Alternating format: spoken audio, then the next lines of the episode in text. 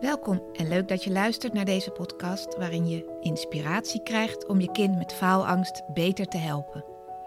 Mijn naam is Mariette Diets en samen zorgen we ervoor dat jouw kind een fijnere schooltijd krijgt. Dit is de Pubers met Faalangst podcast. Gun jij jouw kind ook zoveel? Zoveel rust, zoveel liefde, zoveel vrolijkheid, zoveel mooie ervaringen. Nou, dat is heel natuurlijk voor elke ouder om je kind dat te gunnen. En in deze aflevering van de Pubers met Faalangst podcast wil ik daar nog wat verder op ingaan. Want misschien gunnen we ze wel te veel en zijn wij te hard aan het werk om te, ja, te willen dat ons kind gelukkig is. En dan begint al met de basisschool van, oh, mijn kind wordt buitengesloten. Wat kunnen we regelen om dat goed te maken? Kind komt niet op een partijtje. Kan ik regelen dat hij toch mag komen? We vinden het zo pijnlijk als er dingen met onze kinderen gebeuren, dat we, dat we het willen oplossen. Daar kwam natuurlijk een paar jaar geleden die term curlingouders uh, voorbij. Dat we, dat we dus als ouders problemen weg proberen te strijken, zodat dat curlding, je kent die sport wel, die Olympische sport, dat dat wat makkelijker glijdt. Het liefst willen we dat het allemaal uh, gladjes gaat. En we willen dat ons kind gelukkig is. En ik las een keer een blog van Thea Adema, de grootste kindercoach van Nederland, vind ik. Daar heb ik mijn opleidingen gedaan. En zij schreef: Gun je kind zijn ellende.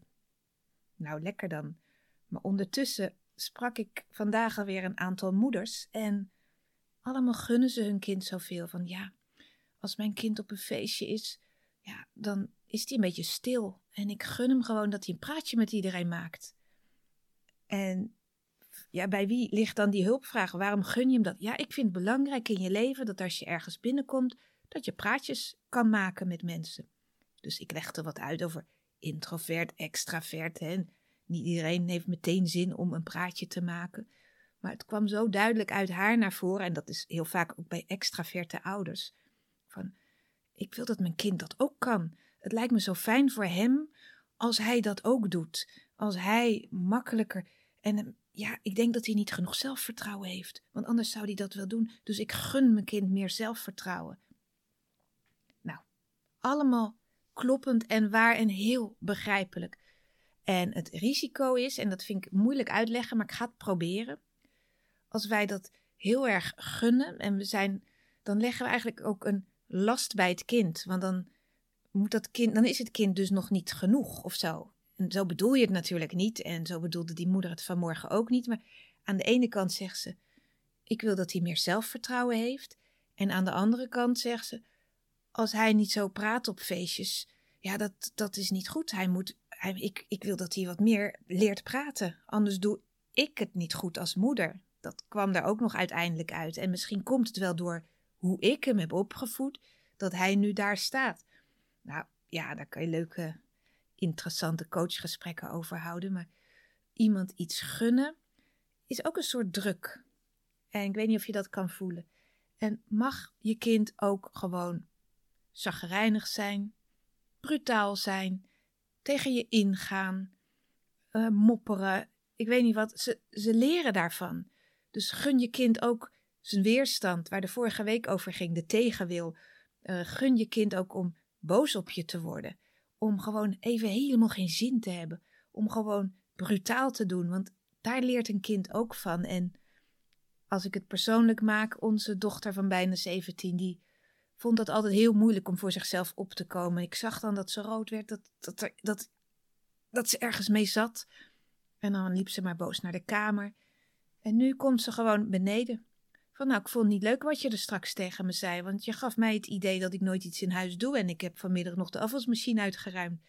En ze, het was precies het goede voorbeeld wat ze noemde, want ik was inderdaad met een soort onbewust verwijt naar haar kamer gegaan. En, maar wat het mooie aan deze situatie was, was ze kwam erop terug op een rustige manier. En, en dat mocht er ook zijn. En ik kon dan ook gewoon zeggen: Ja, eigenlijk heb je gelijk, sorry.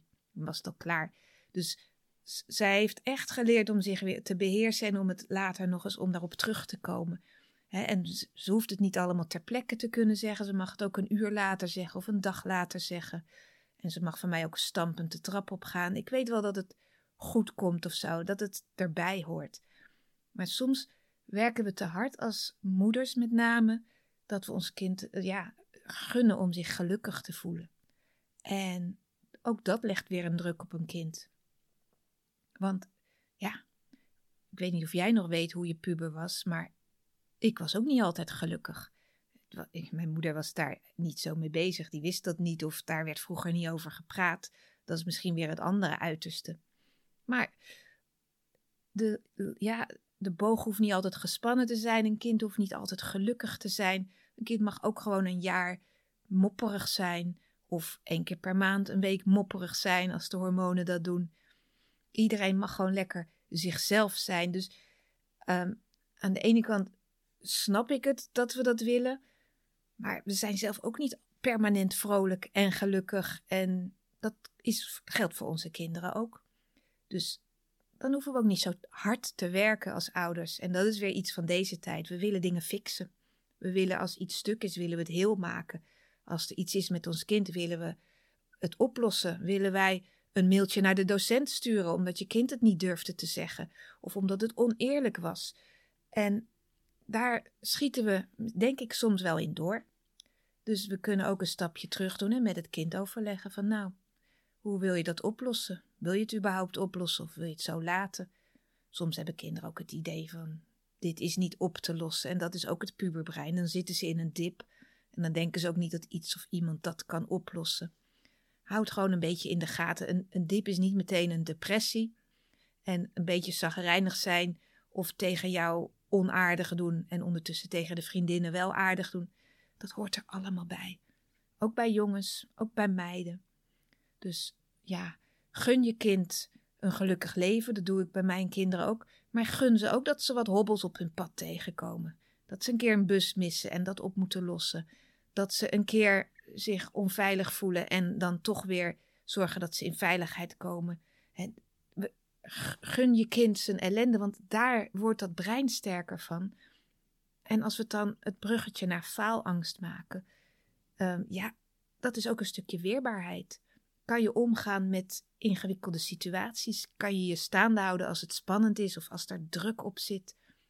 Dus kinderen hebben af en toe van jou gewoon wat weerstand nodig, dat je gewoon nee zegt.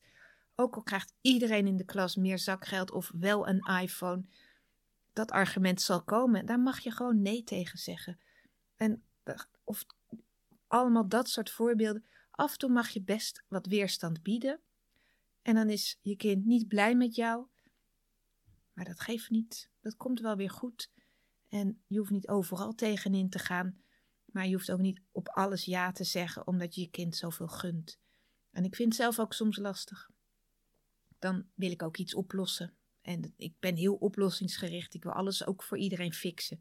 En ik moet soms echt op mijn handen gaan zitten. Van nou, ik weet dat jij nu op het station staat en dat er geen bus gaat, maar ik doe nog even niks. En dan komt er wel een oplossing. Of ze vragen om hulp, dat is weer wat anders. Maar ik hoef niet bij voorbaat al te gaan curlen.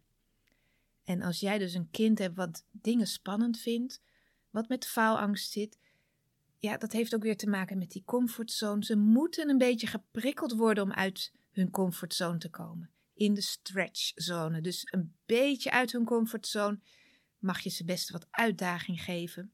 Want daar worden ze weer sterker van. En dan kan je daarna weer een complimentje over geven. nou, heb je goed opgelost. Goed dat je dat gedaan hebt. Dus dat is de boodschap voor vandaag. Gun je kind ook in een bepaalde mate zijn ellende. En ik kan niet bij jou door de camera bij jou naar binnen kijken. Als jouw kind in een hele ellendige situatie zit, is dit misschien niet zo'n toepasselijk advies.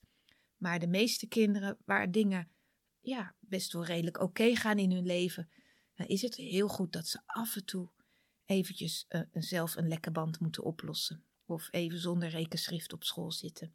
Dus kijk maar hoe je daar af en toe wat meer naar achter kan gaan in plaats van naar voren. Dat was het voor vandaag. En uh, als jij nog vragen hebt, of je wil een keer met mij praten, of je wil je kind bij me langsturen, Dan eh, kun je altijd even een afspraak maken, gratis kennismakingsafspraak. En dan verkennen we even of ik kan helpen en wat voor hulp er nodig is. En ik wens je nog een fijne dag en tot de volgende keer. Bedankt weer voor het luisteren naar de Pubers met Faalangst podcast. Wil je met mij sparren over jullie situatie? Dan kun je altijd een gratis kennismakingsgesprek inplannen via www.dietscoaching.nl. Vind je deze podcast interessant? Abonneer je dan en geef hem een goede review. Dat helpt mij enorm om nog meer ouders te bereiken.